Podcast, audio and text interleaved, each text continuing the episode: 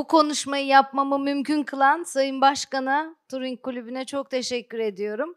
Gençlerle birlikte olmak çok zevkli bir şey. Ee, o nedenle umarım konuyu konu ilginizi çekecektir. Benim çok ilgimi çekiyor. Çok sevdiğim bir konuyu anlatacağım. Onun için aranızda olmaktan çok e, mutluyum. Şimdi kısa bir giriş yapayım bizim mikropların dünyasına. Aslında benden önceki konuşmacı arkadaşınız isimlerini söyledi ama onların bakteri olduğunu söylemedi. Bütün bu GDO'ların başında da bakteriler var çünkü. Bakteriler olmasaydı bugün bildiğimiz hiçbir genetik bilgiye sahip olmamız mümkün değildi. Ama aynı zamanda bu bakteriler insanlığın varoluşundan bugüne kadar da büyük dertlerin de nedeni. Aynı zamanda e, infeksiyon hastalıkları yapıyorlar. Mikropların neden olduğu hastalıklara biz infeksiyon hastalığı diyoruz. Bunlar hep vardı ve zaman öyle bir gösterdi ki hep var olacaklar. Ama bu hastalıklar biliyorsunuz siz onları difteri, grip, sarılık, e, nezle, kaba kulak, kızamık, kızamıkçık, AIDS, veba, kolera, tifüs, tifo bunların hepsi mikrop hastalığı. Ve bu hastalıklar gösteriyor ki örneğin çiçek hastalığı. Dünyanın bilinen en eski hastalığı. Eski yazıtlardan biz bu hastalığın varlığını biliyoruz. Sıtma, çocuk felci bunlar da çok eski hastalıklar. Öyleyse bazıları iyice eski. Bazıları daha yeni.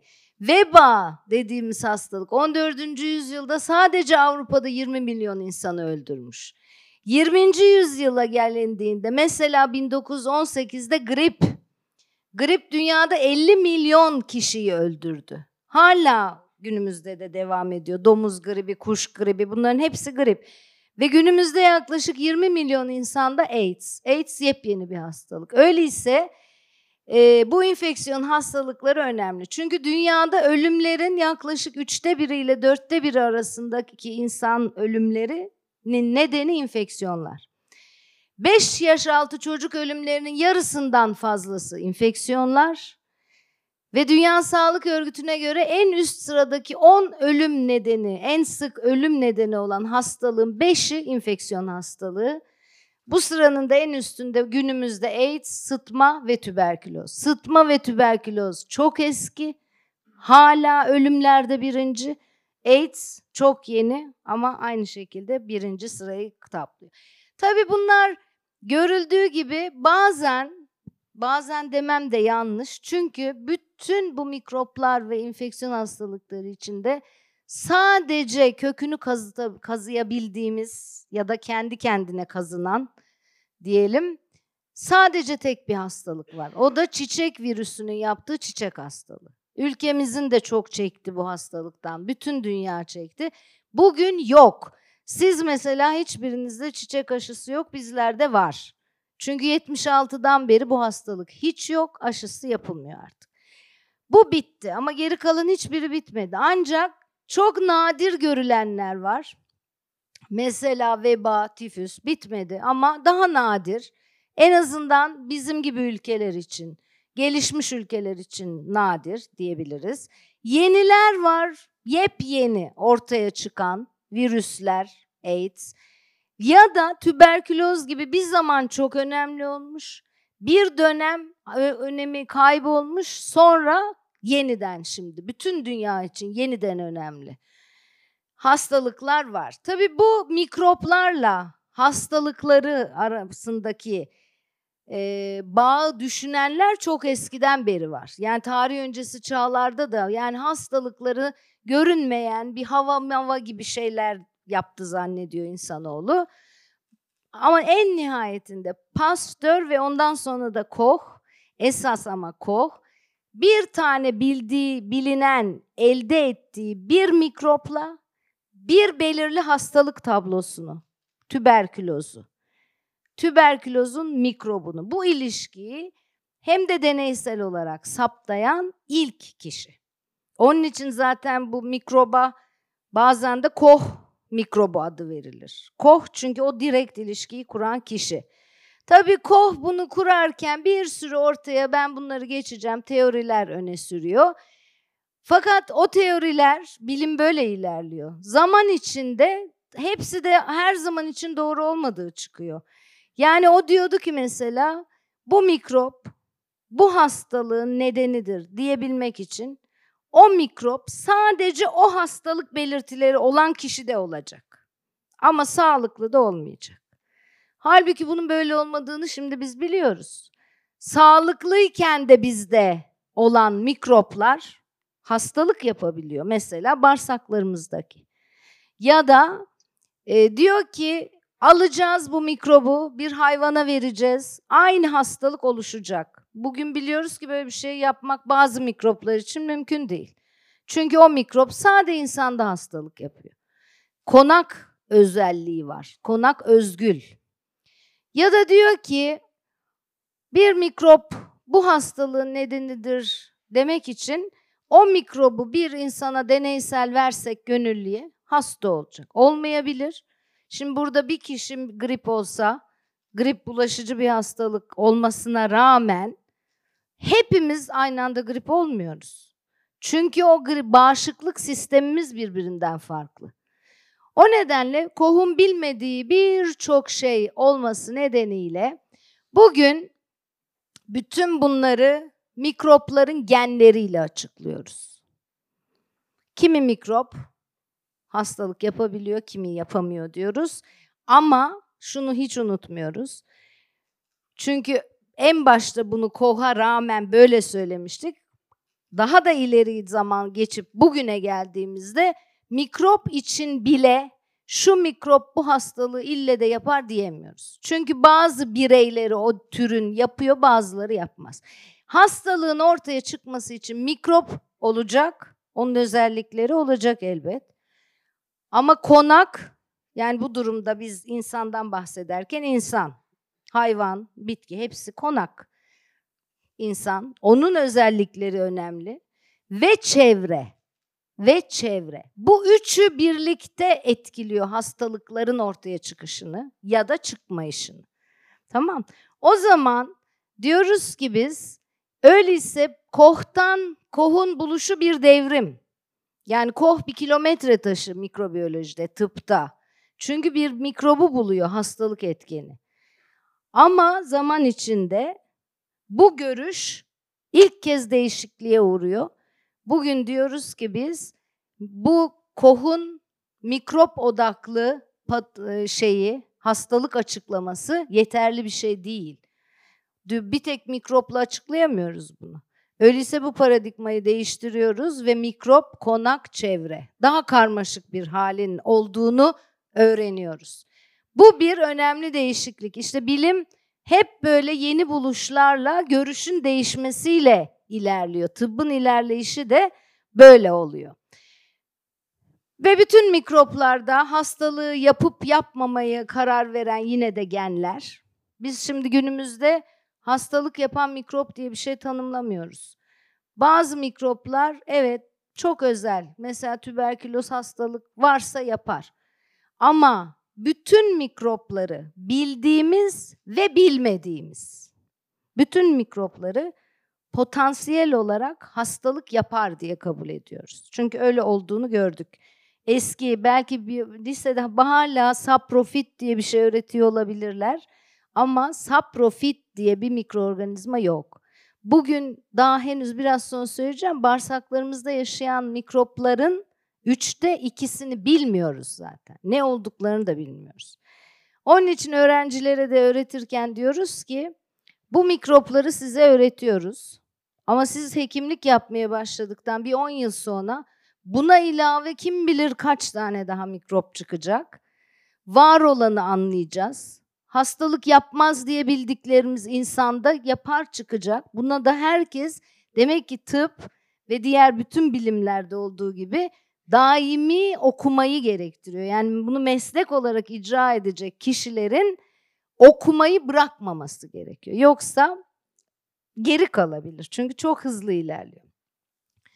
Şimdi mikroplar üstelik de değişiyor. Devamlı değişiyor. Eskiden birçok antibiyotiğe hassas olduğunu, duyarlı olduğunu bildiğimiz mikroplar yok bugün artık. Aynı mikroplar var ama çok zorluyorlar.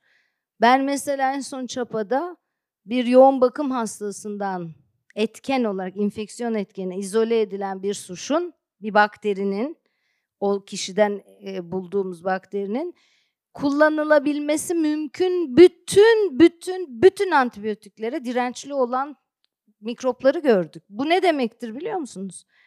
O hastaya yapabileceğiniz hiçbir şey yok demektir. Ve bu mikroplar giderek artıyor. Sayıca baskın olmaya başladılar. İşte bu mikroplar hem dirençli olmak yolunda gen aktarımlarıyla hem de hastalık yapmazken yapabilir olacak genleri de alıyorlar birlikte. Hem de daha da kötü hastalık yapabilme yeteneğiyle donanmış olarak karşımıza çıkıyorlar.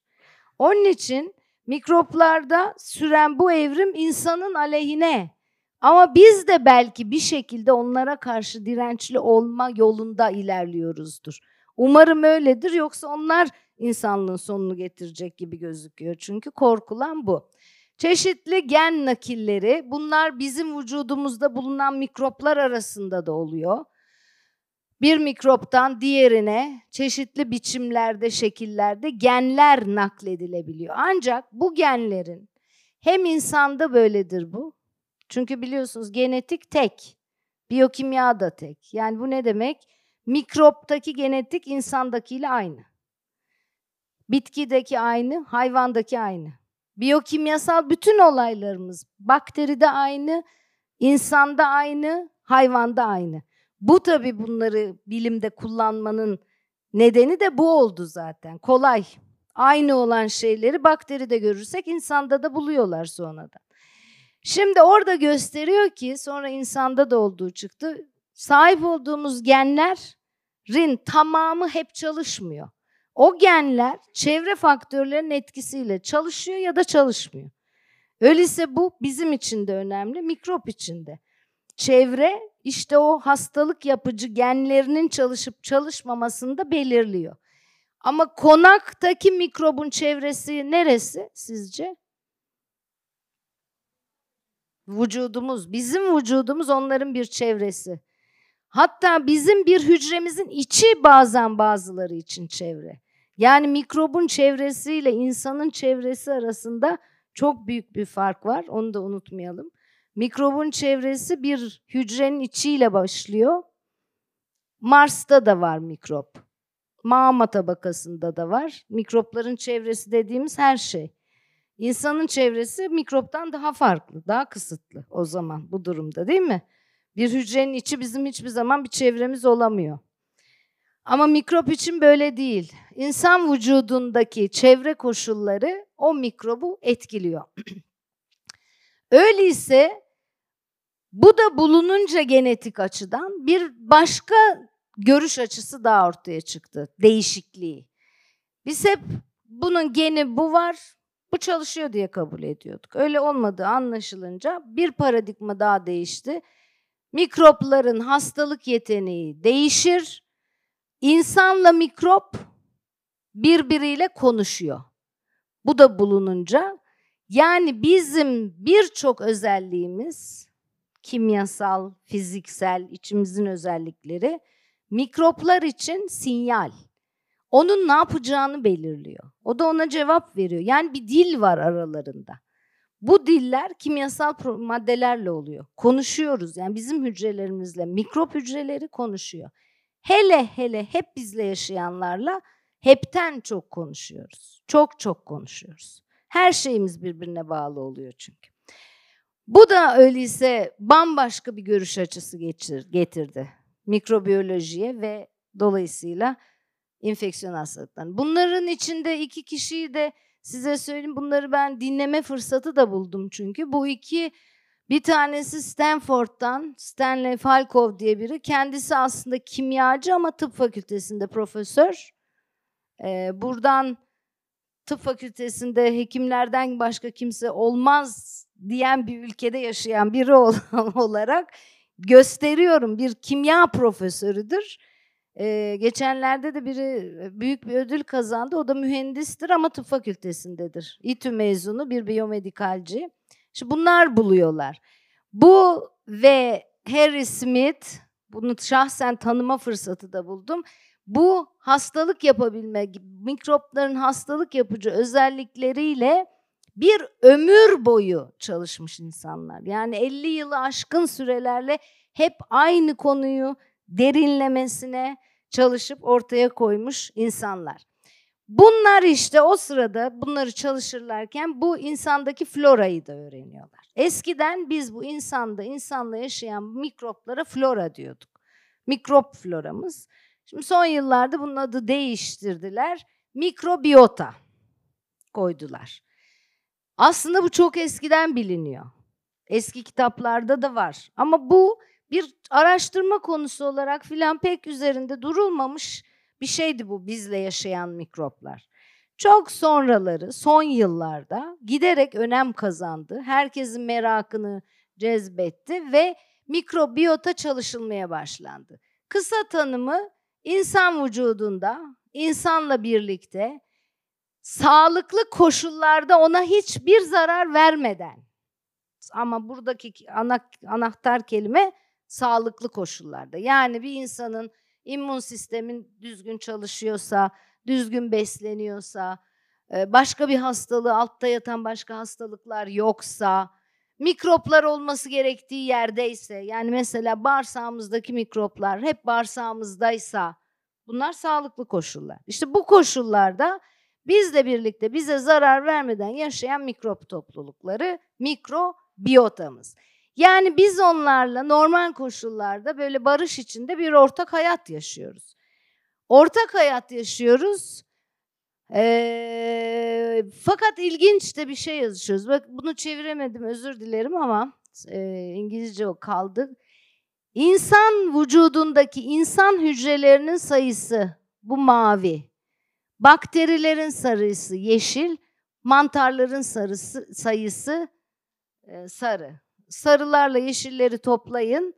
Kendi hücremizden daha çok sayıda mikrop hücresi taşıyoruz biz. Kendi hücremizin 10, 100, 100 katına yakın fazlalıkta bir mikrop hücresiyle beraberiz. Mesela insan hücrelerinin 10 katı. İnsan bağırsağında 100 trilyondan fazla mikrop yaşıyor. Her bir her birimizin bağırsağında. Ve bunlar yaklaşık 35 bin farklı tür olduğu düşünülüyor. Tür bakteri. Bakteriler de bitkiler gibi, hayvanlar gibi cinsleri, türleri var. Yani bu bağırsaklardaki özellikle ve ağzımızı da katmak gerekir buna.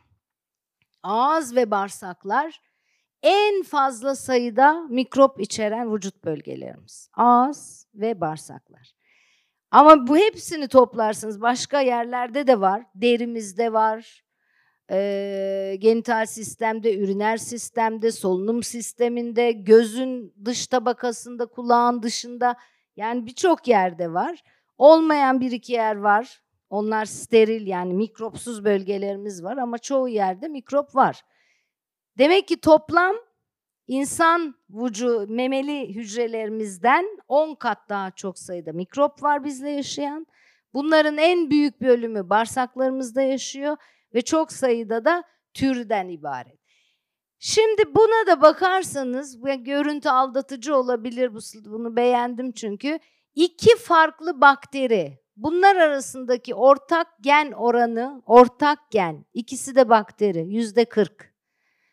İnsan ve bir bakteri ortak gen yüzde 38.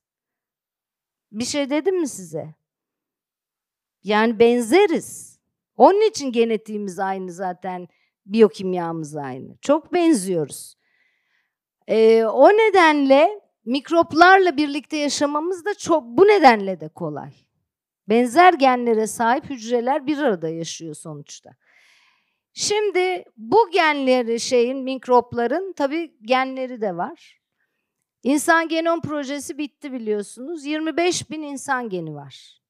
Ama bizim vücudumuzda, her birimizin vücudunda 1 milyondan fazla toplam bakteri geni var. Bu genler de çalışıyor bizle birlikte.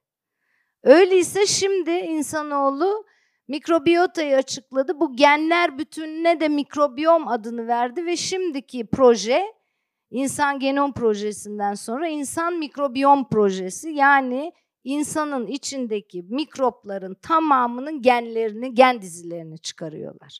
Bilirsek iyi olacak. Belki birçok şeye de yarayacak. Bağırsakta tabii e, baktığınız zaman bağırsaktaki mikropların çokluğuna tüm okyanuslardaki mikrop sayısı kadar neredeyse. Yani bu çok bunu böyle defalarca söylüyorum çünkü ben her okuduğumda heyecanlanıyorum. Çok hayal edilemez rakamlar ve durumlar bunlar aslında. Ve bu mikroorganizma çeşitliliği açısından da böyle. Ve baktığımız zaman bugünkü görüşe göre eskiden bu bizle birlikte yaşayan bakterilere en çok da bağırsaktakiler bilinirdi. Kommensal denir. Lisede e, okuyanlar bilir değil mi? Kommensalin tanımı biri yarar sağlar, öbürü ne yarar ne zarar görür. Değil mi? Hatırlıyor musunuz? Hatırladınız.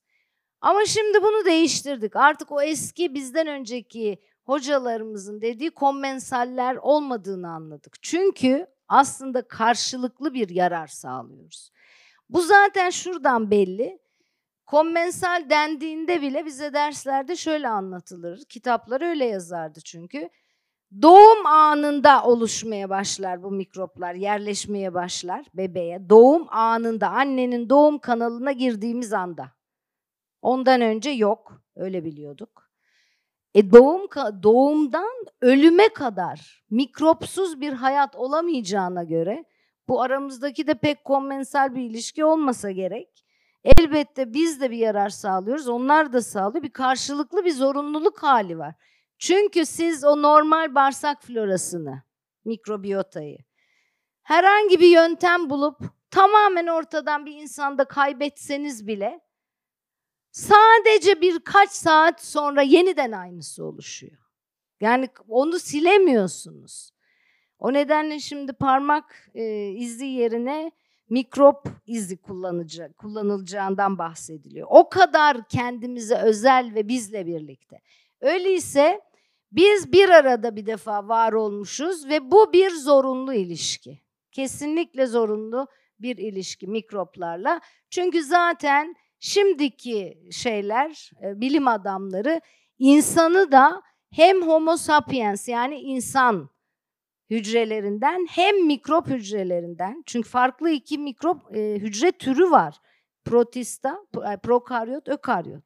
İkisinden birden oluşmuş bir e, kompozit bir bileşik olarak bir hatta bazı araştırmacılara göre bir süper organizma olarak kabul ediyorlar. Tabii bu biz insan dedik aynı şey hayvan ve bitki için de geçerli. Onlarda da durum buna benzer. Bu arada bakterileri uzun yıllar böyle tek başına bir bakteri, her bakteri ayrı ayrı yaşayan ne konuşuyorlar ne beyin var işte birçok organı yok o su yok bu su yok öyle birileri zannedilirdi orada duruyorlar. Tabii bu da kalktı. Araştırmalar gözüktü ki bir defa bunlar öyle bir organize olmamış canlılar değil. Tamamen organizeler, tamamen örgütlüler. Aralarında ortak bir dil var. Bu dil bulundu. Herkesin böyle kelimelerle konuşması gerekmiyor değil mi? Onlar da kimyasal olarak konuşuyorlar. Biri birine bir şey söylüyor, ona cevap veriyor. Hepsi bulundu bunların. Onun için artık biz biliyoruz ki bu uzun yıllar kabul edilen organize olmamış ve konuşmayan etmeyen canlılardan bahsetmiyoruz. Şimdi gayet organize, daima topluluk olarak yaşayan, birbirlerinden haberli, her yapacaklarını birbirleriyle konuşup birlikte yapan bir grup var karşımızda. Üstelik onlar topluca bizi de tanıyorlar. Yani nerede olduğunu biliyor bir defa. Ne, ne zaman orada olduğunu biliyor. Ne yapması gerektiğini biliyor. Hepsi birlikte hareket ediyorlar. Birlikte konağı da yani insanı da tanıyor ve bizle iletişim kuruyorlar. Ee, bağırsaklarımızda da bütün bunlar oluyor işte. Kalın bağırsaklar biliyorsunuz bağırsağın farklı bölgeleri var. Her bölgede farklı mikrop topluluğu yaşıyor. Sayıları da farklı. Bunu belirleyen ne? Çünkü bağırsağın içinde de farklı fizik ortamlar var.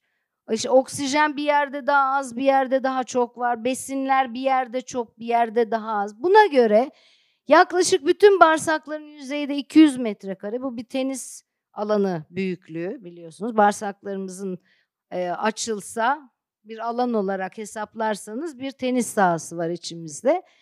Burada da her bölgede farklı çok sayıda mikrop var.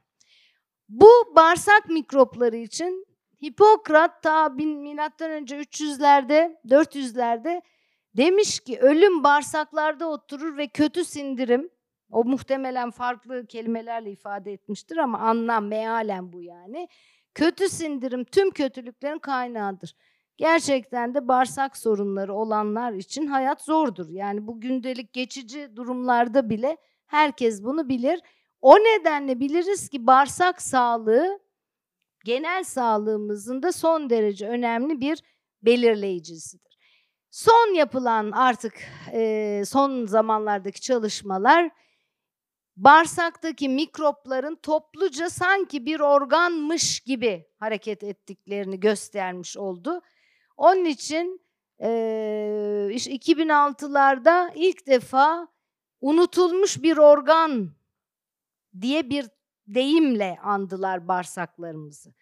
Aslında bağırsaktaki mikropların tamamını kastediyor. Bağırsağı değil, bağırsaktaki çünkü ne diyor? Bağırsak florası unutulmuş organ olarak, bir unutulmuş organ olarak bağırsak florası. O kadar önemli. Neden önemli? Çünkü e, bunları biraz geçebiliriz. Çünkü bu bağırsak florası dedik ki fetüs steril. Bunu aklınızda tutun. Biraz sonra en son bilgiyi söyleyeceğim. Bu klasik bildiğimiz şey.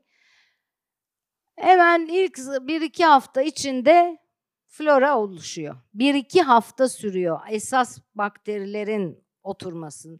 Nasıl oturması? Önce gelişi güzel bir sürü bakteri yerleşiyor. Sonra artık o fetüsün bağırsaklarında örneğin her yerinde ama bağırsağı biz örnek alalım. Oraya uygun hangi bakteriler uygunsa bir iki hafta süresince birileri gidiyor birileri geliyor değişiyor mikroplar sonunda oturuyor. Bir iki hafta süren bir başlangıç. Burada annenin ve tabii çevrenin mikropları. Onları alıyoruz en önce. Sonra ikinci evresinde sütle beslenmeye, anne sütüyle beslenmeye başladığımız zaman anne sütündeki mikropları alıyoruz. Orada da mikroplar var çünkü. Sonra üçüncü evrede mamaya geçti bir çocuk. Hepimiz aynı evrelerden geçiyoruz. Orada başka mikropları kazanıyoruz. Katı gıdalara geçince bu sefer başka başka mikropları kazanıyoruz. Böylece bu mikropların adları ne oldukları önemli değil. Sonuçta artık katı gıdaya geçmiş bir çocuk yaklaşık bir insan dediğimiz insanın tamamını kapsayan insandaki mikrobiyotaya sahip olmuş oluyor.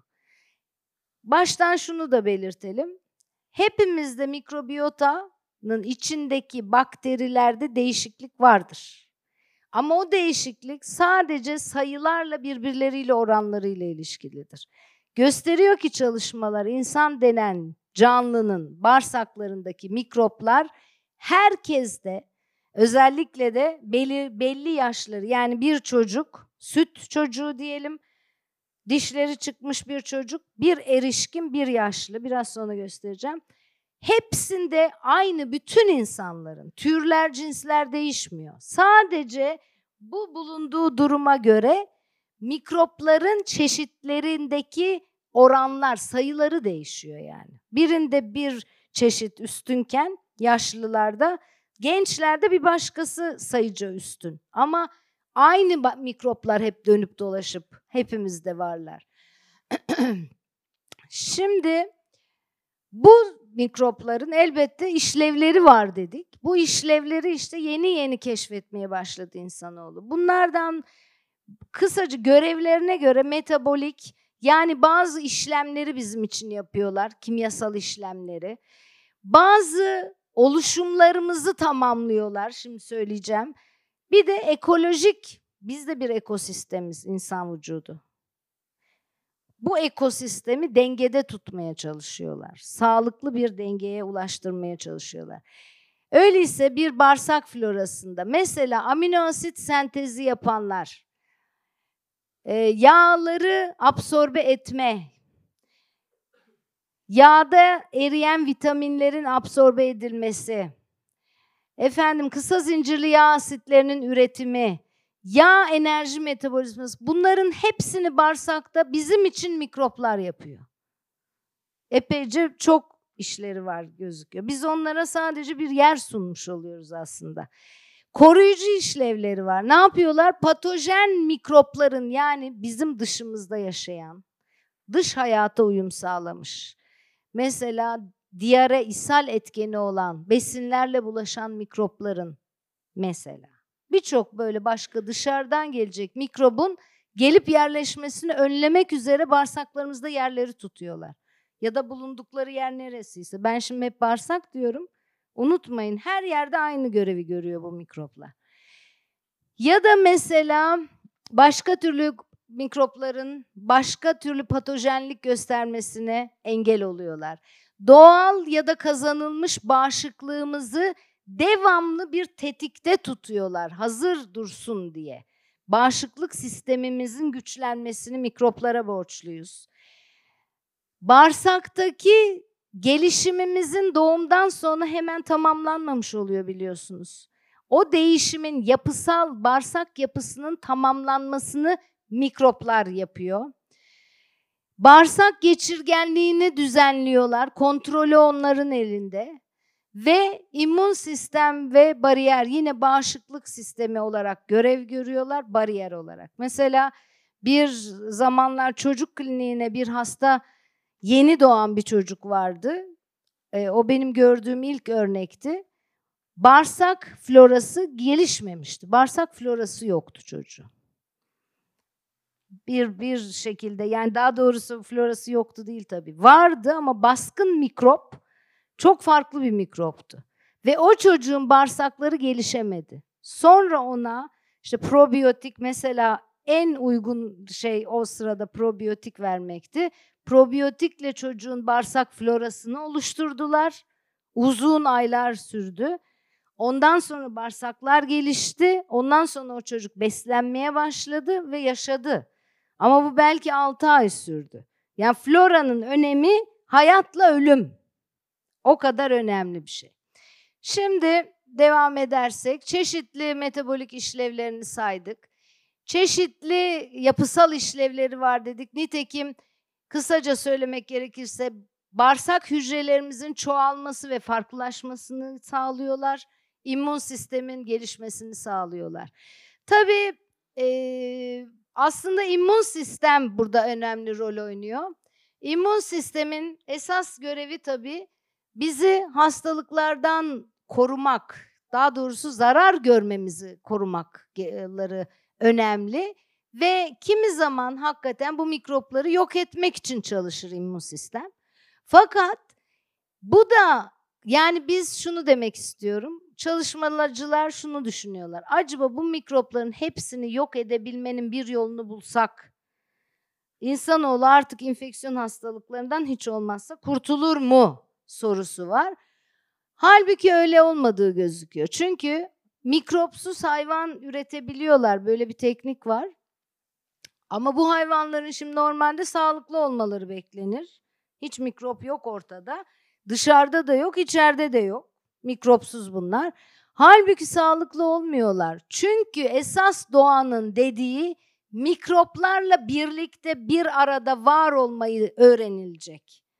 Bunu başarmak iş. O nedenle mikrobiyotada kimi zaman bizim için e, bağışıklık sisteminin bir yöneticisidir. Bağışıklığımızı ona borçluyuzdur. Ama kimi zaman bu dengeler bozulur ve o mikrobiyota iltihaplı bir sürü hastalığında nedeni olabilir. Öyleyse mikrobiyota yani bağırsaklarımızdaki e, mikroplar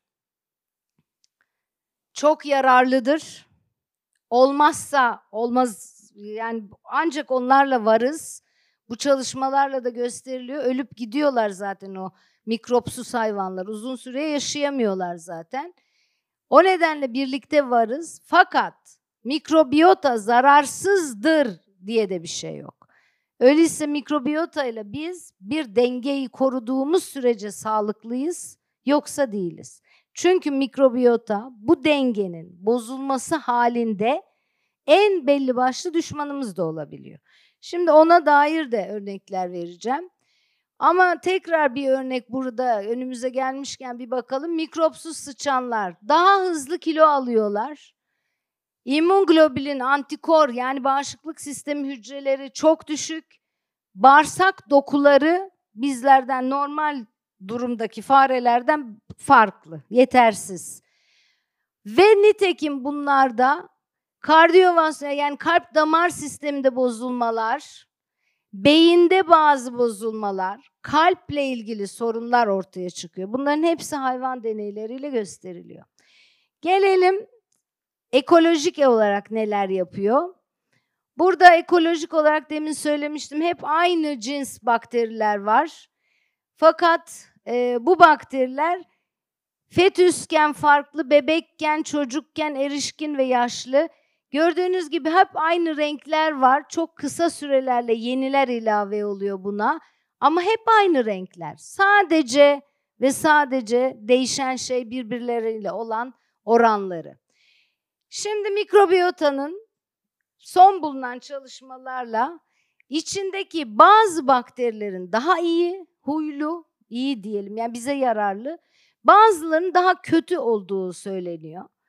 Eğer mikrobiyotamızın çeşitliliği içinde baskın olan gruplar diyor ki çalışmalar şanslı şanslıysanız ve eğer işte belirli bifido, escherichia coli, lactobacil gibi bakterileriniz çoksa sağlığınız o derece iyidir diyorlar. Ama olur da mikroplarınız diğerlerindense sağlığınızla ilgili sorunlar olabilir. Ve bunların da diyorlar belirli bir yaşta olması gereken oran ve sayıda olmaları için işte diyetler yani yenen şeyler de buna etki eder diye söyleyenler var. O zaman biz de diyoruz ki mikrobiyotalar ve mikrobiyom yani genler, bakteri genlerindeki farklar acaba bizim genetiğimizle ilgili olabilir mi? Yani benim sayıları farklı, sizin farklı sayılar. Türler, cinsler aynı, sayılar farklı. Bu bir genetik sorun olabilir mi?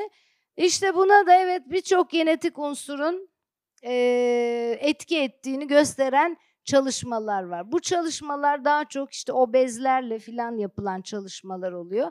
Yani bazı kişilerin genetik olarak başka bazı tür ve cins bakterilerin yerleşmesine daha yatkın bağırsak yapıları olduğu gösterilmiş.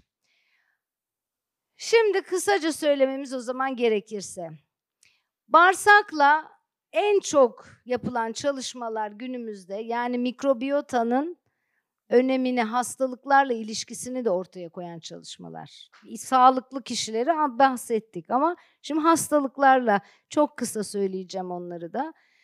Bir defa bilinen bir gerçek var. O da insan vücudunda bağırsaklarla beynin çok direkt ilişkili oldu. Bağırsaklarla beyin hatta buna bağırsak beyin aksı adı veriliyor. Yani bağırsaklarımızda olan şeyler hemen beyine, beyindekiler hemen bağırsağa haber veriliyor. O nedenle yapılan çalışmalar gösteriyor ki mesela beyin deyince tabii merkez sinir sistemimizden bahsediyoruz. Çünkü bağırsaklar en fazla sinir hücrelerinin bulunduğu ve sinirleri etkileyen özellikle stres hormonlarının en çok salgılandığı yer aynı zamanda.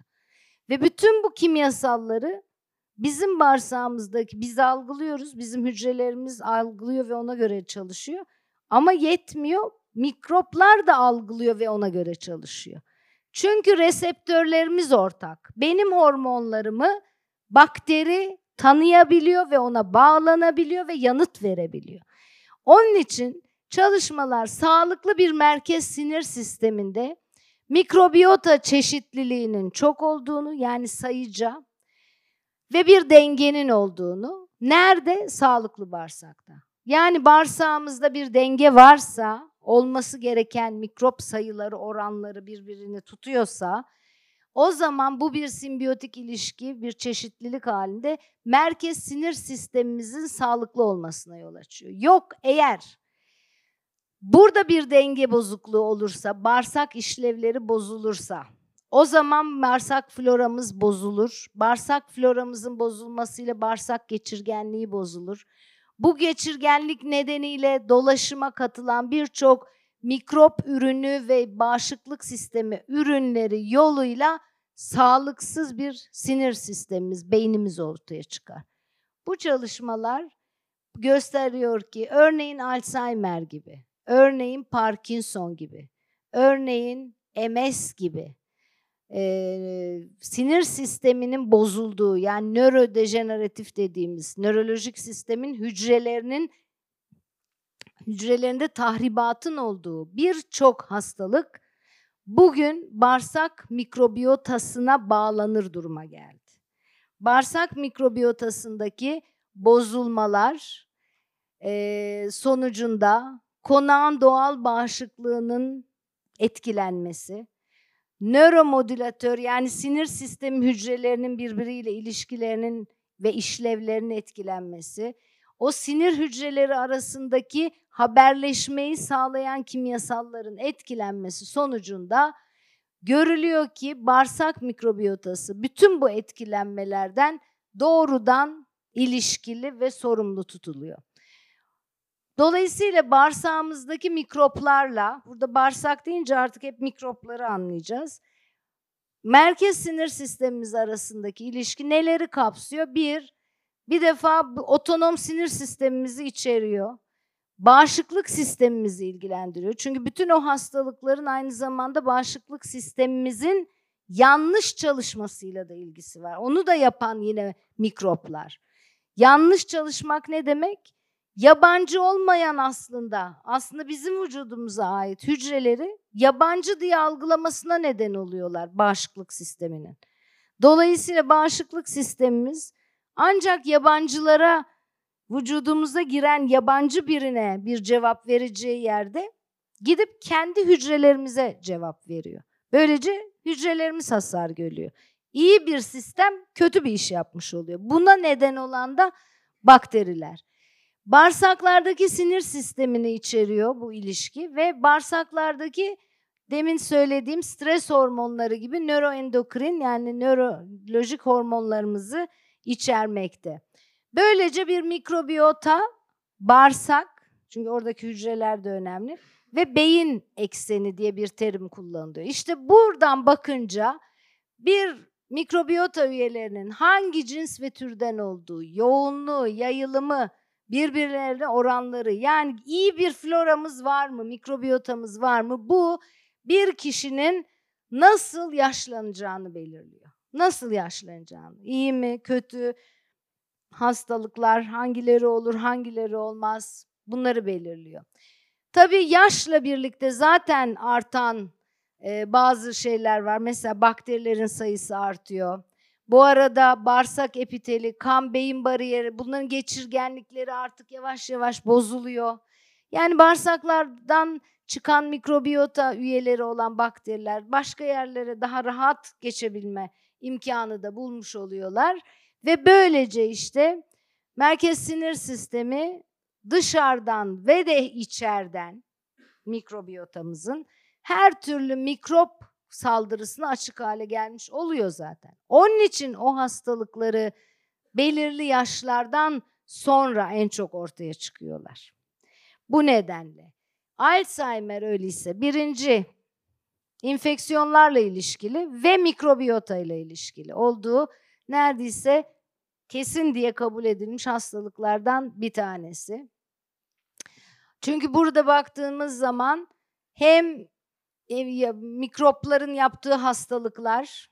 Çünkü bu mikrobiyota üyeleri kendileri de enfeksiyon hastalığı yapabilir bizde. Örneğin aft, ağzınızda çıkan aft çok çıkmıştır. Var mı aft çıkan ağzında hiç? Genellikle bu aftlar ya immün sistem zayıflayınca ya güçlü bir antibiyotik kullandığınızda olur ve aslında ağzımızın içindeki mantarlar onu yapar. Yani dışarıdan bir şey gelmez. ya da bir kanser hastasında en korkulan şey içindeki mikropların onu infeksiyon hastalığından öldürmesidir. Öyleyse bir yandan bunlar zaten hastalıkta yapabiliyorlar. Öte yandan bunların ürünleri, ortaya çıkan onlara yanıt vereceğim deyip de bizim hücrelerimize zarar veren immün sistem, bağışıklık sistemimiz, yanlış tanıma burada söz konusu olan bu tip olayların hepsi ve dışarıdan gelen mikroplar bunların hepsi Alzheimer için ortak bir neden kabul ediliyor günümüzde. Her üçünün de gördüğünüz gibi aslında temelinde mikroplar var ama aynı zamanda mikrobiyotamız da var. Alzheimer önemli. Bunun birçok kanıtları yapılmış hayvan deneylerinde. İkinci grup hastalık bağırsaktaki maliniteler, kanser gibi hastalıklar kesinlikle mikrobiyota ile ilişkili olduğu düşünülüyor. Belirli tip bileşimler, bakterilerin sayıca belirli bileşimleri bunlar özellikle bazı besinlerle bir araya gelince e, kansere neden olabiliyor. Obezite dışkı nakli yapılmak yoluyla obezitenin önlendiği gösterilmiş. Zayıf bir kişiden, anneden mesela obez çocuğuna dışkı nakli yapıyorlar günümüzde. Ee, burada kesin gösteriliyor ki bağırsak florasının bileşimi obeziteyle yakinen ilişkili. Çünkü farelerde yapılan deneyler de bunu gösteriyor. Aynı şekilde yine ee, alerji mikrofloranın etkisi olduğu düşünülüyor. Özellikle bağırsak florasının. Çünkü burada diyette değişiklik yapıldığında ya da antibiyotik kullanıldığında mikrobiyota azalınca bağışık tolerans yani bağışık bir yanıt e, vermeme durumu immün sistemin olgulanması, olgunlaşması önlendiği için aşırı duyarlılıklar artar hale geliyor. Tip 1 diyabetin yine bağırsak mikroplarıyla ilişkili olduğunu gösteren e, çarpıcı veriler var ve inanıyor bilim dünyası bugün buna. Tip 2 diyabet yine aynı şekilde özellikle bifidobakteriler denilen bir cins bakterinin daha az olduğu kişilerde bu tip 2 diyabetin ortaya çıktığı kabul ediliyor. Ailesel Akdeniz ateşi şu ana kadar bağırsak mikrobiyotasıyla ilişkilendirilen ilk genetik hastalık olma özelliğini taşımakta. Otizm bunu yıllar önce bu konuda çalışan kişiyi bir kongrede de dinlemiştim. Amerikalı bir e, bakteriyologtu. Antibiyotikle otizm tedavisi yaptığını söylemişti. Hala bahsediliyor bundan. Ee, yine normal bağırsak florasının bozulması ve toksin üreten bakterilerin o kişilerde artmış olmasına bağlı olarak otizm gelişebildiğini gösteriyorlar.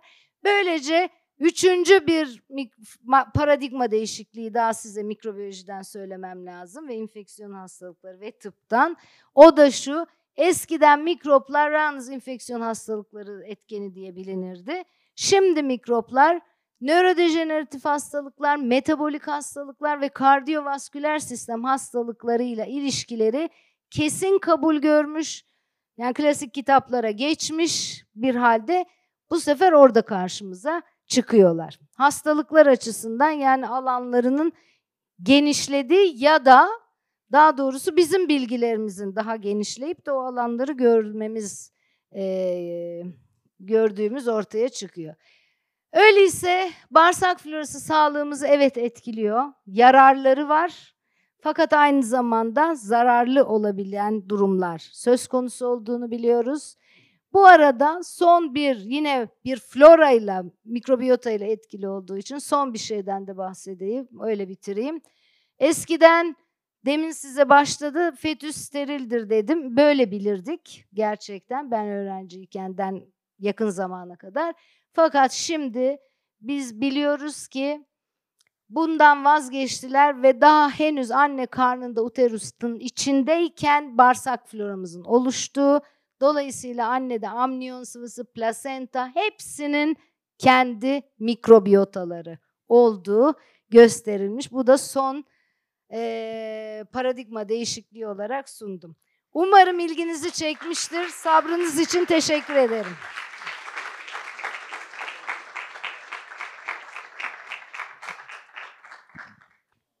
soru belki belki Alabilirim. Yani vaktimiz varsa herhalde bize işaret ederler. Muhammed Enes Tanaloğlu, Marmara Üniversitesi Siyasal Bilgiler Fakültesi 3. sınıf öğrencisiyim. E, açık konuşayım tıp öğrencisi olmadığım için pek anlayamadım sunumunuzu ama çok e, bir anekdot dikkatimi çekti. Özellikle o konuda çok mağdur olduğum için. Ben e, ciddi derecede af sorunu çok çekiyorum. Ve yanılmıyorsam da galiba ağız içindeki mantarlardan kaynaklandığını söylediniz. Bu konuyu biraz daha açmanızı rica ediyorum. Çünkü hala tedavi görüyorum. Hala bunun sıkıntısını çok çekiyor ve bende çok sık çıkıyor. Yani ciddi anlamda çok sık çıkıyor. Anladım. Ama ben tabii tedavi edici bir uzman değilim. Yok hani ben sadece Ha. neden olarak söyledim. Yani diş hekiminde ağız hastalıkları kliniğine gitmenizi öneriyorum. Aftın tek nedeni e, mantarlarda olmayabilir, virütikte olabilir ama her halükarda şunu söylersem anlarsın.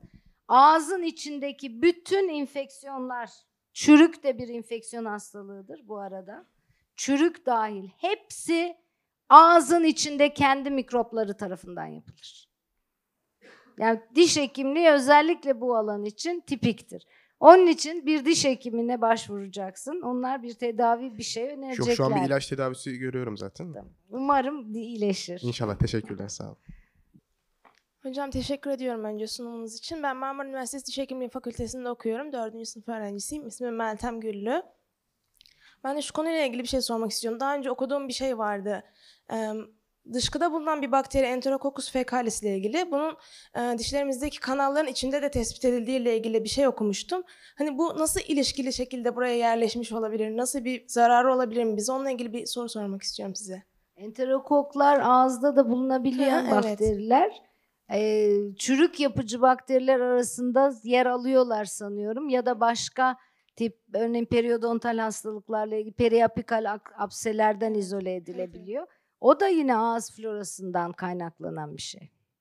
Yani şey e, dışkıda bulunduğunu söylemişler daha önce Ama okuduğum ağzın şeyde. içindeki Nasıl- bir sürü bakteri dışkıda da var. Yani bu dışkıdan ağza bulaşmış diye bir şey değil Ha, tabii. evet işte Öyle onunla- anlıyorsun değil mi? onunla- Onunla ilgili bir şey. e, Yani birçok dışarıdan birçok kez dışkı ağız yolu deriz biz ona. Bulaşma öyledir. Yani dışkıyla kirlenmiş mesela sular, sularla yıkanmış salatalar filan gibi. O dışkı ağız yolu aynı zamanda. Ama orada bahsettiğin enterokok ağız florasında var. Anladım. Çok teşekkür ederim hocam. Harun Korkmaz, e, Yıldız Teknik İnşaat Mühendisi 2. sınıf öğrencisiyim. E, Benim sorum şeydi, bu bağırsak bakterilerimizin e, beslenme alışkanlıklarımızı, duygu ve düşüncelerimizi ma- manipüle etme ihtimaline dair bir şey duymuştum. Bunun Evet. çok büyük bir tehlike yaratma ihtimali yok mudur? Bunu bir olumsuz olarak düşünemez miyiz? O nörode, nörolojiyle olan ilişkisi işte o duygularla ilişkili şeye çok benziyor. Yani psikozlar, Hı hı. psikiyatrik bazı hastalıklara da evet etki ederler. Ee, bunun tehlikesi yani davranış biçimlerimizi belirlediği söyleniyor. Ama buna yapacak bir şey yok. Yani şöyle bir reçetede yok. Şunu şunu şunu yersen floranda bu bu olur. Bunlar da olmaz diye bir şey de yok. Ama bunlar sadece bildiğimiz şeyler. Biliyoruz ama bazı şeylere yapacak bir şey yok. Davranışlarımızı kesinlikle etkiliyor. Etkilediği söyleniyor diyelim. Yani inanılıyor buna, biliniyor. Hocam benim bir sorum vardı da bu taraftayım. Ee, ismim Hasan Temir. Yıldız Teknik Üniversitesi Mekatronik Mühendisliği 3. sınıf öğrencisiyim. Sunumunuz için te- çok teşekkür ederim. Ee, orta kısımda bir şey dediniz. Bakterilerin geniyle insanlar geni karşılaştırıldığında eskiye nazaran bakterinin gelişmesi, değişmesi çok daha hızlı oluyor dediniz. Ee, bu da insanlığın sonunu getirebilir dediniz. Ben yanlış anlamadıysam eğer. Ee, bizim bu konuda bir birey olarak üzerimize düşen e, neler var? Kendi e, bağışıklık sistemimizi korumamız amaçlı, gelişmemiz amaçlı onları sormak istiyordum da. Çok Evet. teşekkür ederim. Ben de teşekkür ederim. Bizim yapabileceğimiz şey şu. Bir, eee, uymamız gereken temizlik kurallarına bir defa uymamız, uymak zorundayız. Kişisel yapabileceklerimizi söylüyorum. İki, ilaç kullanırken bilinçli olmak. Bu tabii sade birey olarak bizlere değil ama bütün hekimlere düşen bir şey. Ülkemiz ve bizim gibi ülkeler biraz bu direnç sorunundan en çok ziyadesiyle maz, e, şey etkilenen ülkeler. Bilinçsiz, gelişi güzel, komşunun demesiyle antibiyotik içmek, doktorların gelişi güzel yazması bunların bir zapt rapt altına alınması gerekir. Antibiyotiklerin iyi korunması gerekir. Çünkü bir süre sonra kullanacak antibiyotik bulamayacağız. Çünkü mikroplardaki dirençte şöyle bir özellik var. Bu direnç genleri, o da genlere bağlı. Direnç genleri evrenimizdeki gen havuzunda zaten var mikroplar içinde. Ama biz o antibiyotikleri kullanarak dirençlilerin seçilip hayatta kalmasına neden oluyoruz. Ve böylece baskın olan onlar oluyor. Öyleyse biz kendimiz kullanırken de bilinçsiz, gelişi güzel kullanmayacağız. Ne mantarlar, ne virüs, ne bakteri için olan ilaçları. Doktorların kullanmasına da aydınlar olarak, biraz uyanık olarak karşı çıkacağız. Mesela idrar yolu e, oluyorsunuz, hekime gidiyorsunuz, kültür yapmadan ilaç veriyor. Veremez. Vermemelidir. Dünya şeyi böyle diyor. Bakmalıdır önce ne ürediğine. Anlatabiliyor muyum? Yani bunları mesela talep edilebilir. Bir doktor bey bir kültür yaptıramaz mısınız dememiz gerekir. Sormamız gerekir. Böyle yardımcı olabiliriz. Belki son bir soru herhalde. Başka bir şey varsa. Hocam tekrardan çok teşekkürler sunumunuz için. Ee, Kübra Avcı, Moleküler Biyoloji ve Genetik bölümünde yüksek lisans yapıyorum. Ee, şöyle hocam, e, izin verirseniz iki bilgi ekleyeceğim, sonra sorumu soracağım. Çok kısa. Ben Ee, şeyle ilgili hocam, arkadaşımız söyledi ya, e, duygu durumumuzu etkiliyor. Yakın zamanda bir yayın okudum. Ee, şu an günümüzde ok- e, kullanılan e, antidepresan ilaçların antibiyotik direncine sebep olduğu ile ilgili e, ciddi bir yayın yayınlanmıştı. Bu var. Bir de e, o yıllar önce... yayının bana verirsin herhalde. Tabii ki veririm hocam. bir de hocam şey yıla, e, iki ya, ya da üç yıl önce okumuştum. Yine e, yemek zevkimizin de yine bu bakteri floramızla ilişkili Hmm. olduğu ile ilgiliydi. Çok dikkatimi çekmişti. Mesela canımız e, tatlı bir şey istiyor ama halbuki onu biz istemiyoruz. Bakterilerimiz istediği için o an onu tüketiyormuşuz. Bununla ilgili de okumuştum. Evet. Sonuncusu hocam bize e, bundan e, yani şeydeyken lisansta okurken e, sezaryenle doğan bebeklerin aslında e, fetüslerin daha doğrusu e, şey şey sahip olmadıklarını, o florayı alamadıklarını söylediler. Halbuki alıyormuş. Bununla ilişkili olarak da hatta şey savunuyorlardı. Kolik sendromunu savunuyorlardı. Peki hocam e, madem alıyorlarsa neden kaynaklı olabilir bu durum? Hangisi? kolik olma durumu.